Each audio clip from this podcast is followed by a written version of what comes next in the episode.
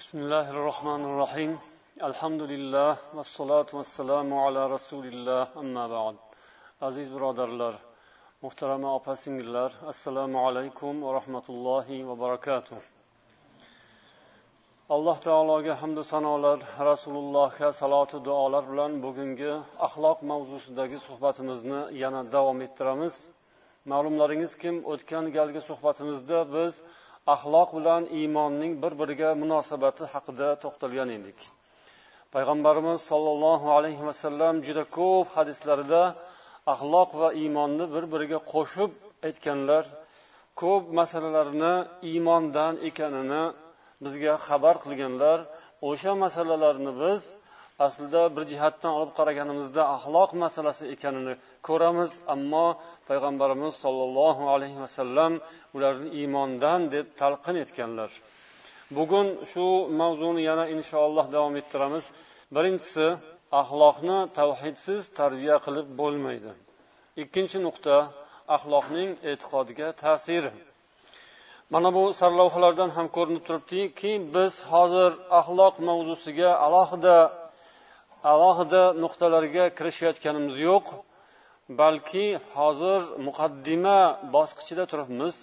Biz axloqning har xil jihatlarini qisqa qisqa ko'rib o'tamiz keyin inshaalloh axloq odob masalalarining har biriga alohida alohida to'xtalib har qaysinisi xususida allohu payg'ambarni bizga bergan ta'limotlari bilan inshaalloh tanishamiz.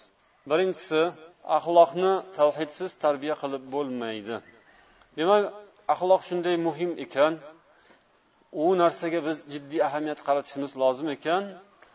Endi shu bilan bir qatorda yana bir muhim nuqta shuki inson axloqni tavhidsiz tarbiya qilish mumkin emas. Ya'ni insonda aqida tavhid to'g'ri bo'lsa keyin uning xulqi ham to'g'ri bo'ladi. Agar insonning aqidasi e'tiqodi nochor bo'lsa demak axloqi ham shunday bo'ladi. U axloqni tarbiya qilib bo'lmaydi. Shuning uchun birinchi galda albatta e'tibor qaratishimiz kerak bo'lgan narsa e'tiqodimizni to'g'irlashimiz kerak.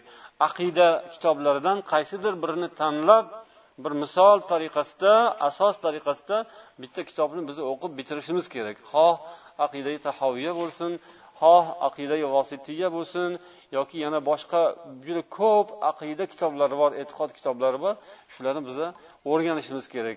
Kamida bittasini har bir musulmon o'qib o'rganib o'ziga shu narsani aqida qilib e'tiqod qilib singdirib olishi kerak.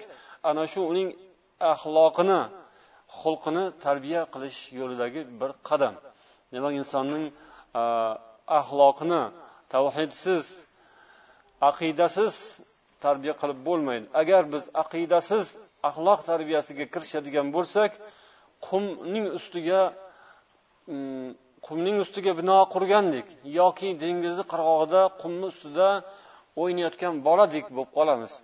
Bolalar qumni o'ynab qumdan har xil narsalar shaklda yasaydi lekin u bitta to'lqin bilan yo'q bo'ladi. To'lqin shunday kelib olib ketadi.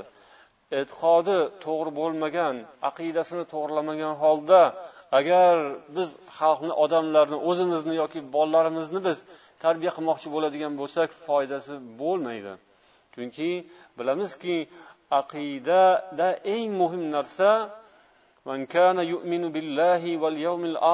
deb payg'ambarimiz ko'p hadislarda aytganlar.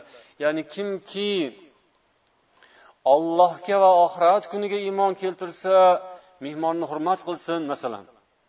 Mehmonni hurmat qilish e'tiqod e, e'tiqod masalasi emas. Bu hurmat e, odob axloq masalasi. Lekin rasululloh buni ollohga va oxiratga iymon keltirish bilan bog'layaptilar. Demak kim mehmonni yaxshi kutib oladi mehmonni xursand qilib jo'natadi kim mehmonga o'zini bor butun shunday taqdim qilib qo'ya oladi. Uyda yaxshiroq narsalaringiz bor. E, ba'zan mehmon kelganda demak o'shani e, olib chiqib shunday qo'ygingiz kelmay turadi. Falon qilishim kerak piston qilishim kerak bolamga yedirishim kerak dori qilishim kerak boshqa.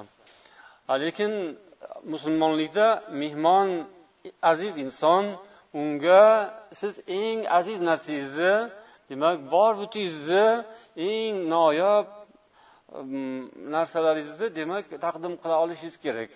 Ya'ni mehmon qilishda. Buni kim qila oladi bu yerda ham demak kimki allohga va oxiratga iymon keltirgan bo'lsa mehmonni hurmat qilsin. Boshqa boshqa juda ko'p masalalarda ham shunaqa. Oxirat va ollohga bog'lab qo'yiladi. Shuning uchun biz avvalambor oxiratga ishonchni mustahkamlashimiz kerak. Farzandlarga yoshlarga ayniqsa qiyomat bo'ladi. O'lgandan keyin tirilish bor savol javob bor qabrda hisob kitob boshlanadi. Malak ikkita farishta kelib savol qiladi. Dining nima? Savol berganda qanaqa? Mehmonni hurmat qilganmiding deb savol beradimi? Yoki qanaqa ota onangni hurmat qilganmiding? Xulqing qanaqa deb savol qiladimi? Nima deb savol qiladi? Robbing kim? Man robbuka va ma dinuka va man nabiyuka deb savol qiladi. Ya'ni man robbuk robbing kim? Dining nima? Payg'ambaring kim deb savol qiladi? Demak bu savol bilan mehmonni hurmat qildingmi degan savol o'rtasida yeru osmoncha farq bor. U butunlay boshqa bu butunlay boshqa. Lekin shu robbisini tanigan odam dinini bilgan odam payg'ambarni tanigan odam keyin ana u masalalarga ham jiddiy qaraydi. U masalalar ham bu insonda judayam yaxshi suratda aks etadi. Demak biz avvalo o'zimiz ollohdan qo'rqishimiz kerak. Oxiratni o'ylashimiz kerak. Oxiratga tayyorgarlik qilishimiz kerak. O'limga tayyorlanishimiz kerak. O'lim har lahzada kelishi mumkin. O'lim kattayu kichikni tanlamaydi. Erkaku ayol yoshu qari demaydi. Duch kelgandan olib ketadi ollohning qazoyi qadari ollohning taqdiri bilan.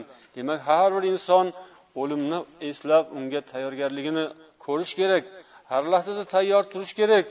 O'lim farishtasi kelganda ey to'xtab turing falon ishni qilishim kerak edi.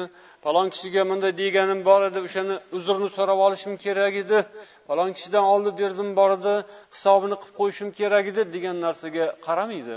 Har lahza demak kelishi mumkin va hech narsani kutmasdan olib ketishi mumkin. Demak oxiratga tayyorlanish o'limga tayyorlanish qiyomat azoblaridan hisob kitoblardan qo'rqish insonni yaxshi tartibga solib qo'yadi. Yaxshi odam bo'lib qoladi o'sha odam. Agar ollohdan u chinakam qo'rqadigan bo'lsa demak uning xulqi ham tuzaladi. Shunday qilib biz shu narsani yaxshi tushunamizki ollohdan qo'rqqan odam oxiratdan umidi bor odam odamlarning oldida ham hech kim yo'q paytida ham xulqi yaxshi bo'ladi bir xilda odam bo'ladi o'sha rostgo'y bo'ladi. Shuni rostgo'y deyiladi. Ammo odamlarning oldida juda yaxshi odamlar bilan muomalasi juda chiroyli juda xushmuomala judayam muloyim axloqi yaxshi juda odobli inson a? Lekin hech kim yo'q joyda astag'firulloh u basharasi ochiladi keyin undan qo'rqinchli inson yo'q. Billah alloh asrasin bu nima? Yolg'onchilik bo'ladi. Hech kim yo'q joyda ham ollohdan qo'rqib o'zini tutib olgan hech kim ko'rmaydigan joyda ham olloh huzurida hokisor olloh huzurida kamtar. Bo'lgan odam odamlarni oldida ham o'shanday kamtar hokisor demak botin va zohir ikkalasi bir biriga mutobiq bo'lsa ana u odam rostgo'y odam bo'ladi. U odam to'g'ri odam bo'ladi. Ichiyu tashi bir xilda. Buning uchun ollohdan qay darajada qo'rqamiz shu narsa muhim. Agar bizning ollohga bo'lgan iymonimiz chiroyli bo'lsa bizning tashqi ko'rinishimiz muomalamiz ham shunday bo'ladi va ana shunday insonlardan hayotda boshqalarga foyda manfaat yetadi va o'zi ham ham bu dunyo ham oxiratda baxtli bo'ladi. Demak biz ollohu rasulni tanishimiz oxiratga tayyorlanishimiz bizning xulqimizni isloh qiladi. Mana bu borada ba'zi bir misollarni ham keltirishgan mualliflar olimlar va mufakkirlar ikkita masalani birini amerikadan birini sovet ittifoqidan sobiqdagi sovet ittifoqidan ya'ni ichim ichkiliklarga qarshi kurash borasidagi bir tajribani eslatishgan. Bir ming to'qqiz yuz o'n to'qqizinchi yili amerikada quruqlik yoki quritish degan qonun chiqarilgan ekan. Bu qonun bir ming to'qqiz yuz o'n to'qqizinchi yildan bir ming to'qqiz yuz o'ttiz uchinchi yilgacha amal qilgan va amerika jamiyatidan ichkilikni butunlay quritish yo'q qilishni oldiga maqsad qilib qo'ygan. Lekin o'n to'rt yillik harakat besamar ketgan. Hech narsaga erishib bo'lmagan. Lekin bu muddat davomida juda katta mablag'lar sarf qilingan. Million million. Endi u paytning mablag'i bilan hozirgining taqqoslash to'g'ri bo'lmaydiku lekin o'z zamonasiga yarasha judayam katta mablag' sarf qilingan juda katta harakatlar bo'lgan. Shu ishlar asnosida uch yuzta odam o'ldirilgan uch yuz o'ttiz besh mingu qancha odam qamalgan o'n million sahifa yozilgan. Ya'ni gazetlar jurnallar chiqarilgan rasmlar chiqarilgandir kitoblar chiqarilgandir boshqa boshqa bo'lgan shularni taqribiy hisobi o'n million e, sahifani tashkil etgan. Oxirida hech narsaga erishib bo'lmasdan bu qonun bir ming to'qqiz yuz o'ttiz uchinchi yilda bekor qilingan. Demak foydasi yo'q. Buning sababi nima? Sababi nima? Olloh olloh e, inson ollohdan qo'rqmasa oxiratdan qo'rqmasa hisob kitob borligini bilmasa uning ro'barasiga mingta nasihatchini o'tkazib atrofiga yuzta soqchini qo'yib qo'yganda ham foydasi yo'q. Soqchini oldida o'zini tutib turishi mumkin. U soqchi ham uxlaydi. U ham ovqat yeyishi kerak. U ham odam. U robot emas u temir emas. Temir bo'lsaku unda uni aldash osonroq ham bo'ladi. Demak e, soqchini oldida o'zini tutib turadi soqchi uyquga ketadi yoki boshqa e, o'zi holi ham qoladi inson keyin bilganini qiladi. Ammo ollohga ishongan odamning doimo qalbida soqchisi bo'ladi. U soqchi kim? O'zi. O'ziga o'zi soqchi u odam. Uning tushunchasida farishtalar bo'ladi. Farishtalar hamisha uxlamaydigan ovqat yemaydigan dam olmaydigan charchamaydigan ikkita farishta ikkita yelkada turishadi. Doimo hoziru nozir uxlasangiz ham ular ketishmaydi uxladi bu endi deb turishadi. Uyqugizni poylab uyg'onishingizni poylab. Ana shu narsani bilgan odam shunga ishongan ishongan odam iymon keltirgan odam hayotda qanday bo'ladi? Yaxshi odam bo'ladi. Ikkinchi misol ko'pchiliklaringiz buni endi bilsangiz kerak. Sobiq sovet ittifoqi u paytda bo'lardi. Kpss markaziy komiteti kpss markaziy komitetining bosh sekretari mixail gorbachev u kishi boshlagan alkogolizmga qarshi kurash. U ham bir necha yillar davom etdi lekin oxirida hech vaqosiz e, g'alvirni suvdan ko'tarishganda baqa toshbaqa qurbaqadan boshqa hech narsa chiqmadi. Ya'ni hammasi o'sha o'sha eski hammom eski tosh hech narsa natija o'zgarmadi. O'sha paytda bizni ustozlarimiz biz o'shanda madrasada o'qirdik toshkentda imom buxoriy madrasasida o'sha yerda ustozlar aytishgan edi bundan foyda bo'lmaydi deb chunki bu yerda aqida e'tiqod hal hal qiladi masalani asosiy o'rin tutadigan e'tiqod bo'ladi bu narsa amerikada bo'lgan bir marta deb eslashgan shunda bu yerda ham o'sha narsani o'zi bo'ladi hech qanday foyda bo'lmaydi bo'lmasa davlatning eng yuqorisida turgan odam o'zi boshladi gorbachev o'zi boshlagan. Butun televizor televideniya radio gazeta jurnallar kinolar hamma hammasi shu shu yoqqa qaratildi. Davlat siyosati bu. Bo'ldi. Davlat siyosati bilan o'ynash bo'lmaydi. U bilan hazillashib bo'lmaydi deyishadi. Hazillashib aytishadi. Mana davlat siyosati bo'lgan shu. Lekin shunaqa qasr qusur shunaqa ola ta'sir ishlar qilindi oxirida hech narsa o'zgarmadi. Yana o'sha o'sha yana boyagi boyagi xolxojaning tayog'i deganday ish yana davom etaverdi. Demak xulosa e'tiqod iymon asosiy masala. Endi uchinchi misol yoki xulosa o'rnida janob payg'ambarimiz sollallohu alayhi vasallam olib kelgan da'vatga qaraylik. U kishining da'vatlarida ham mana shu narsa yomon xulq sifatida tasvirlanadi. Va aroqxo'rlik idmanul xamr judayam qattiq gunoh ekanligi gapiriladi. Mudminul xamr jannatga kirmaydi deydilar payg'ambarimiz sollallohu alayhi vasallam alloh taolo qur'oni karimni nozil qilayotgan paytda arablarning jamiyati ham xuddi ana shunaqa bundan ham ko'ra battarroq yomonroq bo'lgan. Aroq tinmasdan ichilgan. Aroqxo'rlik moyxo'rlik bu mardlik alomati bo'lgan u paytlarda. Saxovati ham ularning mardligi ham aroq bilan bog'langan bo'lgan. Shunaqa qon qoniga tomir tomiriga singib ketgan edi aroqxo'rlik lekin shu shu illatni shu illatni daf etish uchun qancha harakat kerak bo'ldi va qancha narsa yozildi necha sahifa oyat tushdi? Qani? Sizlar bilasizlar buni. Necha necha dona sura keldi necha sahifa hadis yozildi yoki oyat eng asosiysi o'sha paytda oyat ediku necha sahifa oyat tushgan? Uchta yoki to'rtta. O'nta ham emas o'ntaga yetmagan oyat bilan alloh taolo va payg'ambarimiz sollallohu alayhi vasallam bu illatni bartaraf etishdi.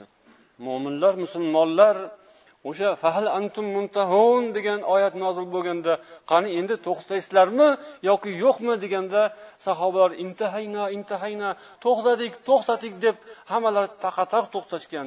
Ba'zilar hatto og'ziga shunday ho'plagan joyda tuflab tashlashgan qo'llarida ushlab turgan qadahlarini otib yuborishgan shu oyatni eshitgan paytlarida uylarida xumlarni olib chiqib ko'chalarga madina ko'chalariga uloqtirib uloqtirib tashlashgan. Tarixchilar yozishadi ko'chalar suv bo'lib daryo bo'lib ariq bo'lib oqqan aroq may. Mana sizga misol. Uchinchi misol ya'ni insonning e'tiqodi iymoni qay darajada o'rin tutadi? Mana shunday muhim ishlarni hal qilishda. Demak o'n million sahifa bilan endi o'n dona oyat emas o'n million sahifa va uchta to'rtta to'rtta oyat. Buni taqqoslang uning kuchini qarang buning kuchini qarang. U necha yillab tashviq qilinib foydasi bo'lmadi. Lekin to'rtta beshta oyat bir ming to'rt yuz yildan buyog'ida o'zining kuchini alhamdulillah kim ko'rsatib kelmoqda va mo'min musulmonlarning qalblarida ularning xulqlarida aks etadi.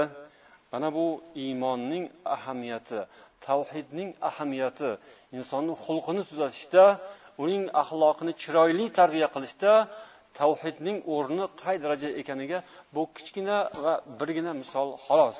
Bunaqa misollarni xohlagancha keltirishimiz mumkin. Ammo yana bir buning muqobilidagi misol bir muallif yozadilar. Bu ham ko'pchilik ko'rgan ko'pchilik bu narsaga guvoh bo'lgan misollardan biri. Shunday musulmon mamlakatlarida arab mamlakatlaridan birida istiqomat qiladigan odam xorij safariga yo'l olganda samolyotda sodir bo'lgan holat ya'ni o'zlarini yurtlaridan o'zlarini mamlakatlaridagi aeroportdan chiqayotganda hammalari ayollarga e'tibor qaratyaptilar ayollar hijobda yuzlari bekilgan boshlari bekilgan shunday bir taqvoli ayollar sifatida samolyotga o'tirishdi deydi. Lekin samolyot eshiklari quplanib yopilgandan keyin samolyot havoga ko'tarilgandan keyin tamom butunlay manzara o'zgardi. Haligi hijoblar yechildi ro'mollar olib tashlandi shu bilan haligi sochlariyu boshqa hammasi ochiq sochiq bu yoqdagi boshqa ayollardan farqi qolgani yo'q. Yo olloh qarang bu holatni. Yana shunday buning aksi ham bo'ladi. Shunaqa mamlakatlarga kirib kelinayotgan mahalda demak bu aeroportdan haliginday yarim yalang'och holda chiqishadi. Nari aeroportga borganda qop qora bo'lib hijoblarga o'ranib kirib ketishadi. Mana bu o'sha aqidaning e, nuqsoni iymonning nuqsoni bu. Tashqi ko'rinishi dindor bo'lgani bilan ichi ichida demak e, bir yaxshilik yo'q. Ollohdan qo'rqish yo'q. Demak bunday insonlarni tarbiyasi nihoyatda og'ir bo'ladi. Agar dildan xudodan qo'rqmasa oxiratga ishonmasa azobi qabrdan qo'rqmasa jahannam azoblaridan xavotiri yo'q bo'lsa jannatdan umidi bo'lmasa demak ahvol mana shunday bo'ladi. Alloh taolo panoh bersin hammamizning e'tiqodimizni olloh to'g'irlashini so'raymiz.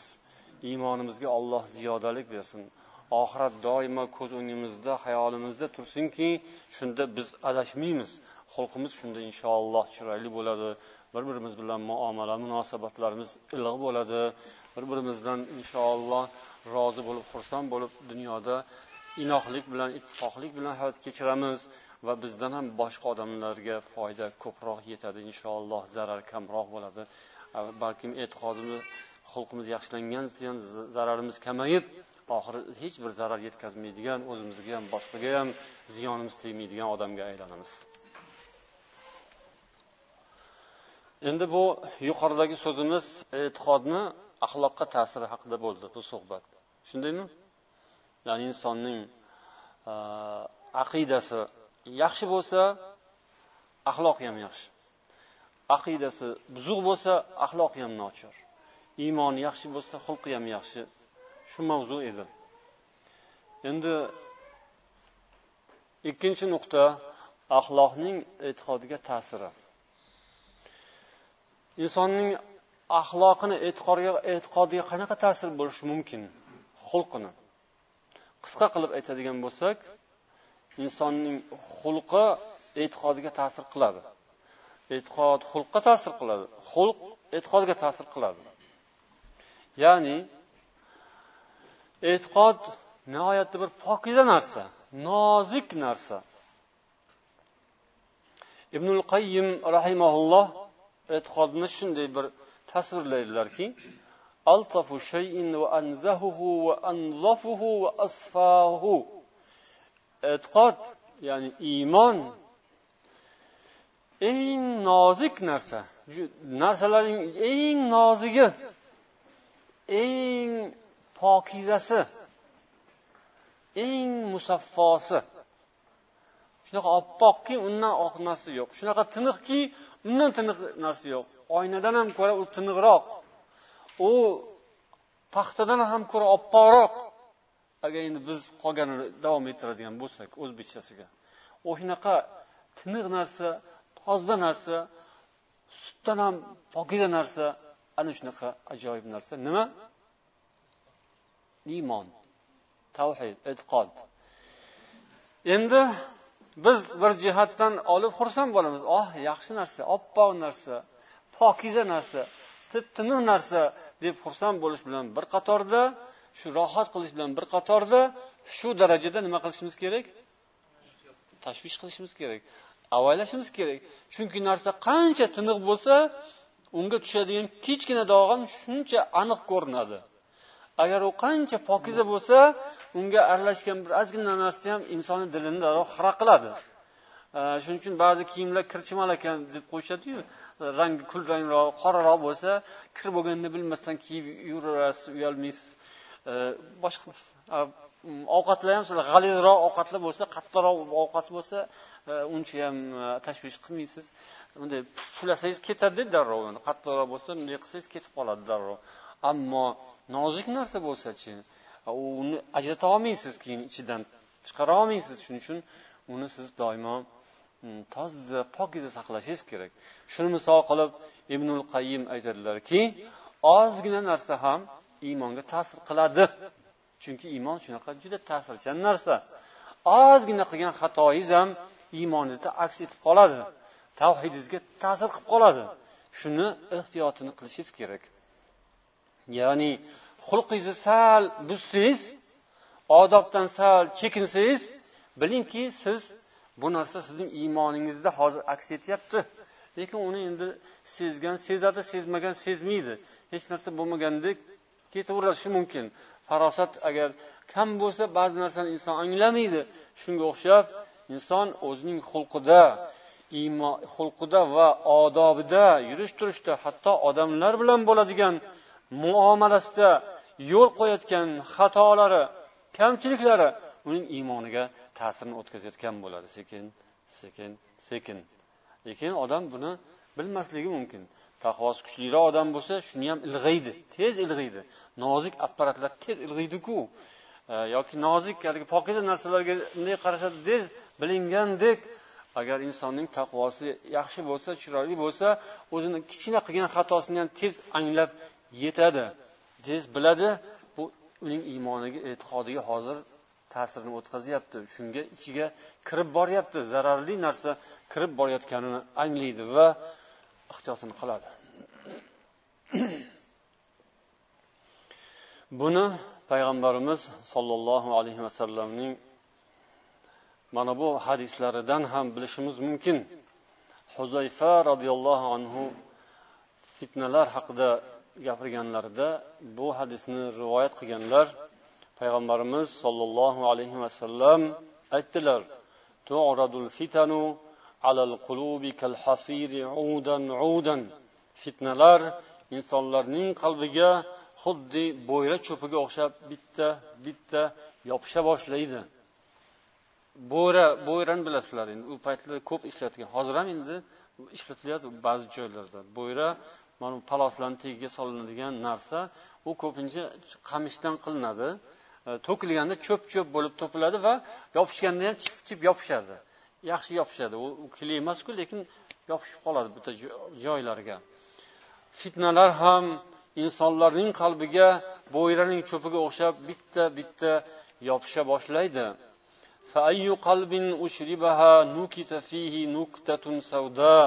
Qaysi bir qalb shuni qabul qilsa o'ziga o'sha qalbda bir dona qora nuqta chekiladi bir nona nuqta qo'yiladi.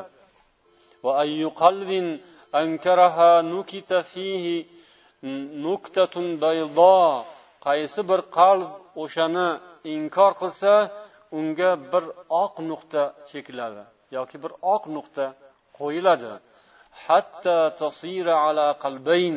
Shunday qilib davom etaveradi etaveradi. Ikkita ikki xil qalb paydo bo'ladi.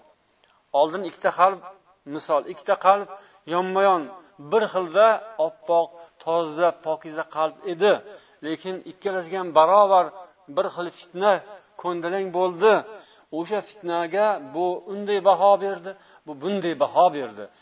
Uni bu bunday qabul qildi u buni bunday qabul qildi. Bittasining qalbiga bitta qora nuqta tushdi ikkinchisining qalbiga bir oq nuqta tushdi. Endi bu fitna qurg'ur bitta fitna emas ekan. U kelaverar ekan ketma ket ulanib ulanib ulanib. Biri ikkinchisini boshlab kelar ekan. Ollohdan panoh so'raymiz fitnalardan. Fitnalarning zohiriyu botini bor. Ko'zga ko'rinadigan odam ilg'aydigani bor odam ilg'amaydigani bor. Unisidan ham bunisidan ham biz panoh so'raymiz. Olloh asrasin olloh asramasa qiyin. Fitnalar kelar ekan. Haligi qalb buni qabul qilib bunisi rad etib boshlandi. Yana davom etaveradi cho'p cho'pga o'xshab bittalab bittalab. Cho'p eng oddiy narsa qarang payg'ambarning misollarini. Cho'p eng yengil narsa cho'pdek deydi ba'zi bir narsani. Mm, pastdan olsa cho'pdek deb aytiladi. O'shanaqa cho'pdek bo'lib keladi fitnalar. Uni hech narsa qilmaydi cho'pku bunday qilsa tushib ketadi deb o'ylaydi. Qabul qilayotganda tushib ketishini ham biladi. Puflasa ketadigan uchib ketadigan narsaku deb o'ylaydi. Lekin u yig'ilgandan keyin uni puflab tushirib bo'lmaydi. Uni sudrab tushirib ham bo'lmaydi. Uni kesib tushirish mumkin qirqib tushirish mumkindir. Lekin qirqsa o'zini ham bir joyi qirqilib ketadi. O'zi ham a'zoyi badani qatida qirqilib ketishdan qo'rqadida. Shuning uchun qola qoldi qola qolsin endi. Mayli bo'la qolsin deb rozi bo'lib qoladi oxirida.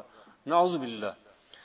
Demak bir bir yopisha boshlaydi va oxirida ikkita ikki xil qalbga aylanib qoladi deydilar payg'ambar sollallohu alayhi vasallam. Ala abyada misli safa فلا تضره فتنة ما دامت السماوات والأرض bir qalb ya'ni inkor etgan qalb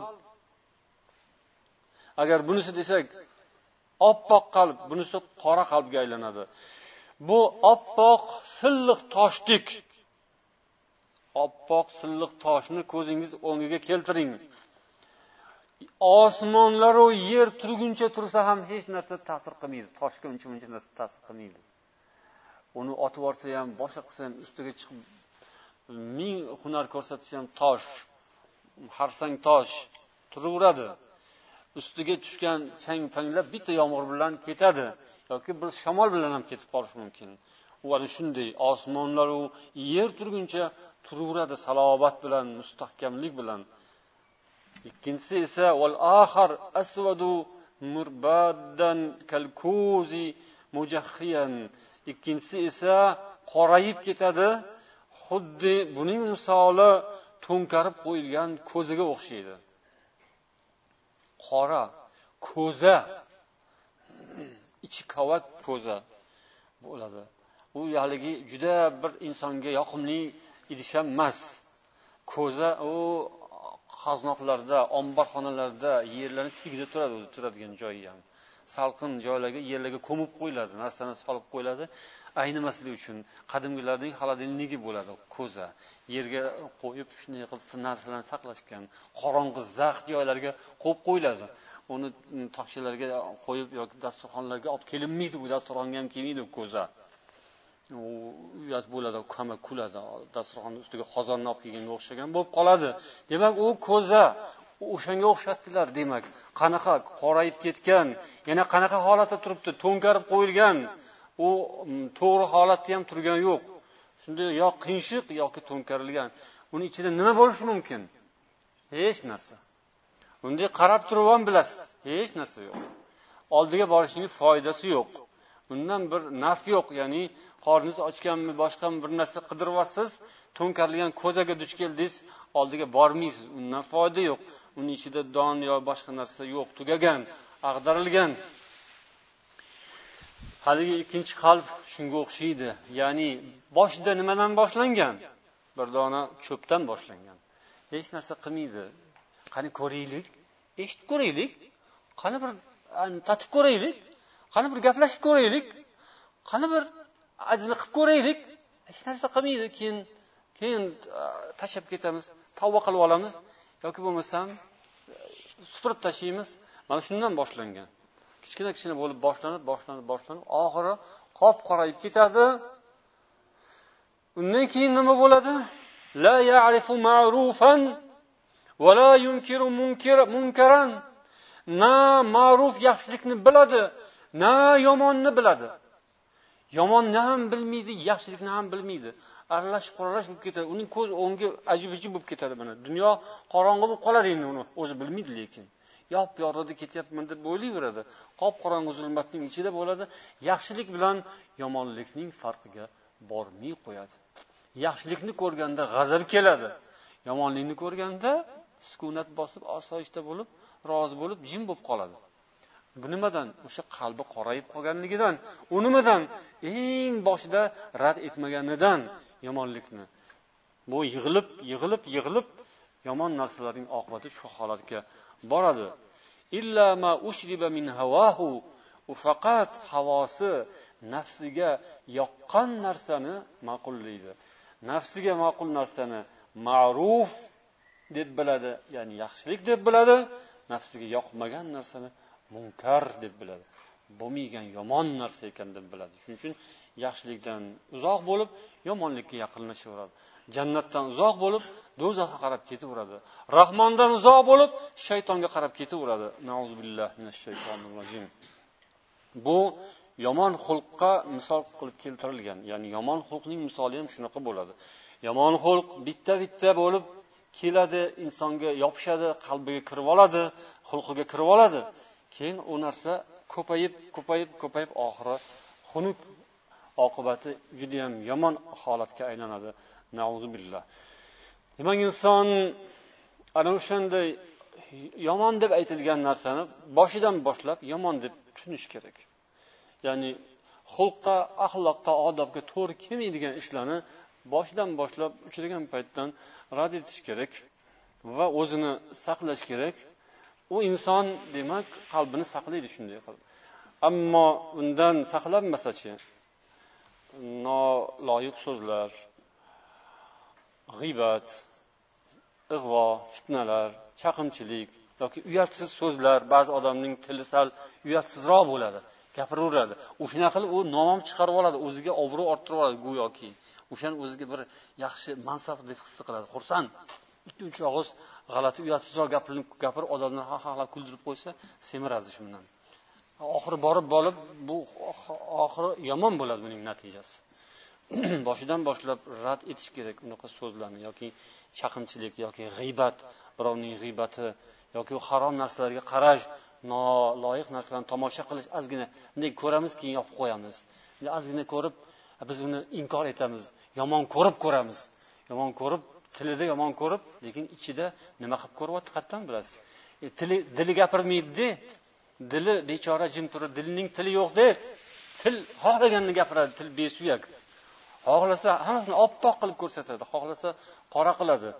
Demak har qanday yomon narsaning avvalida kichkina narsa turgan bo'ladi. Boshlanishi nuqtadan boshlanadi. Oxiri keyin u tog'ga aylanadi. Boshlanishi demak pashsha bo'lsa oxiri fil bilan tugaydi mana shunday. Inson yomon xulqqa yoshligidan boshlab o'rganmasligi kerak yoki yomon so'zlarni noloyiq so'zlarni gapirishga inson odatlanib qolishi kerak emas. O'zini boshidan boshlab ehtiyotini qilish kerak. Agar inson odatlanadigan bo'lsa keyinchalik u odat tarki odat amri mahol bo'ladi. Keyin u narsa nimaga aylanadi? Kasbga nimaga aylanadi yana? E'tiqodga aylanadi. Aqida bo'ladi. Keyinchalik odamlar mana shunaqa yomon xulqli odamlar o'zlarini xulqlarini o'zlarini huquqlarini tuzata olmaganlaridan keyin o'zlarini ayblarini tan ola olmaydilar albatta. O'zlari bunga iqror bo'lolmaydilar iqror bo'lsalar nima bo'ladi? Tuzatish kerak bo'ladi tashlash kerak. Tashlash qiyin. Tashlay olmaydilar. Tashlay olmasdan bo'yinlariga aybni yuklab ko'tarib yurishga go'yoki uyaladilarda keyin nima qiladilar? O'sha aybni ayb emas. U oddiy holat u joiz yoki u lozim u yoki aqidaga aylantiradilar. Shunday qilib buzuq aqidalar paydo bo'ladi. Shunday qilib adashgan toifalar paydo bo'ladi. Qayerdan paydo bo'ladi? Adashgan toifalarning paydo bo'lish sabablaridan biri xulqning yomonligi. Ular yomon xulq yomon axloq yomon tabiat bilan o'sib katta bo'lib mustahkam bo'lib qoladi. Keyin uni xudo rahm qilgani tuzaladi. Agar qalbida iymoni bo'lsa yomonliklardan voz kechib aybini tan olib qo'rqmasdan ha man shunaqa xato qildim yo qilganman ha manda shunaqa ayb bor man buni tuzatishim kerak deb tashlaydi. O'zi shundan qutulishga harakat qiladi. O'zini qutqaradi haq yo'lda davom etadi u odam. Lekin bu narsa ham oson emas. Uncha muncha odamga bu narsa nasib bo'lmaydi.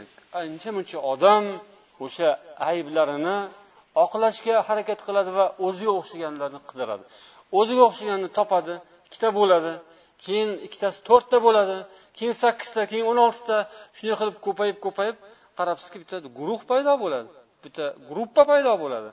Bitta yo'nalish oqim paydo bo'ladi. Ichidan bittasi lider bo'ladi yana bittasi e, boshqa bo'ladi. Biri oyoq biri qo'l biri kalla bo'lib keyin harakatni boshlaydi. Shunday qilib musulmonlarga jamiyatga ko'p tashvishlar keltirib chiqaradi. Demak buning ham boshi yomon xulqdan va o'sha yomon xulqni tuzatmaslikdan tarbiya qilmaslikdan kelib chiqadi. Yoki yana bir xunuk oqibati shuki o'rganib qolgan odam yomon ishga yomon narsalarga o'rganib qolgan odam uni tartibga chaqirganlarga oldin ha ho'p deydi. Yana qilaveradi. Keyin yana tartibga chaqirsa ha ho'p deydi. Keyin davom etaveradi. Yana gap bo'lganda uzrlarni aytadi. Manaqada manaqaday deydi. Lekin tashlagisi kelmaydi. Undan keyin esa javob qaytarishga boshlaydi. Nimaga endi siz hadeb bu narsaga aralashyapsiz nimaga hadeb gapiryapsiz keyin haligi nasihat go'y odamni o'ziga dushmandek ko'ra boshlaydi. Uni ko'rsa ko'rgisi kelmaydi boshidanoq sovuq muomala qiladi salomlashgisi kelmaydi teskariga burilib ketadi. Shunday qilib oxiri haligi to'g'ri yo'lga chaqiradigan odam yo nasihat qiladigan odam ha u ota onasi bo'lsa ham hattoki u bilan muomalasini sovuq qiladi yoki uzadi. Yoki birodardan yuz o'giradi va nasihat qiluvchidan keyin masxara qilishga ham boshlaydi. Bunday narsa ham uchrab turadi hayotda. Unga to'g'ri gapni gapirsangiz ular bir guruhga aylanib olgandan keyin sizni namozingizni ham masxara qiladi sizni tarovihingizni ham masxara qilishi mumkin sizni tilovatingizni ham sizni amri ma'rufingizni ham da'vatingizni ham ehsoningizni ham sadaqangizni ham keyin masxara qilaveradi qoralab. U qilsa to'g'ri siz qilsangiz noto'g'ri. Xuddi o'sha bitta ish.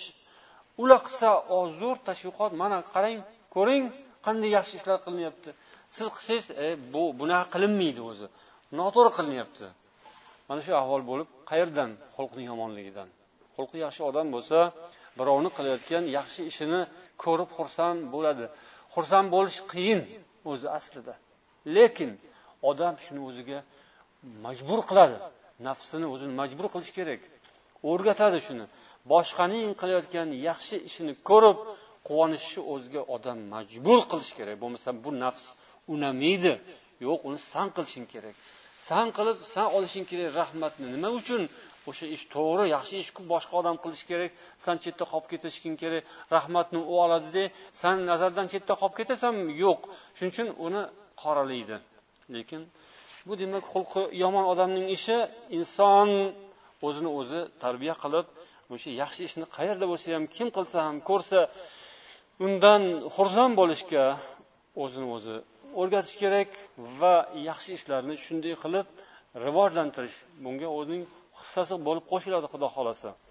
Demak odamzod o'zini odobini axloqini xulqini tuzatgan sayin iymoni saqlanadi keyin esa iymoni rivojlanadi. O'sadi ziyoda bo'ladi. Yaxshi ishlar solih amallar bilan iymon ziyoda bo'ladi yomon ishlar bilan iymon nuqsonli bo'ladi.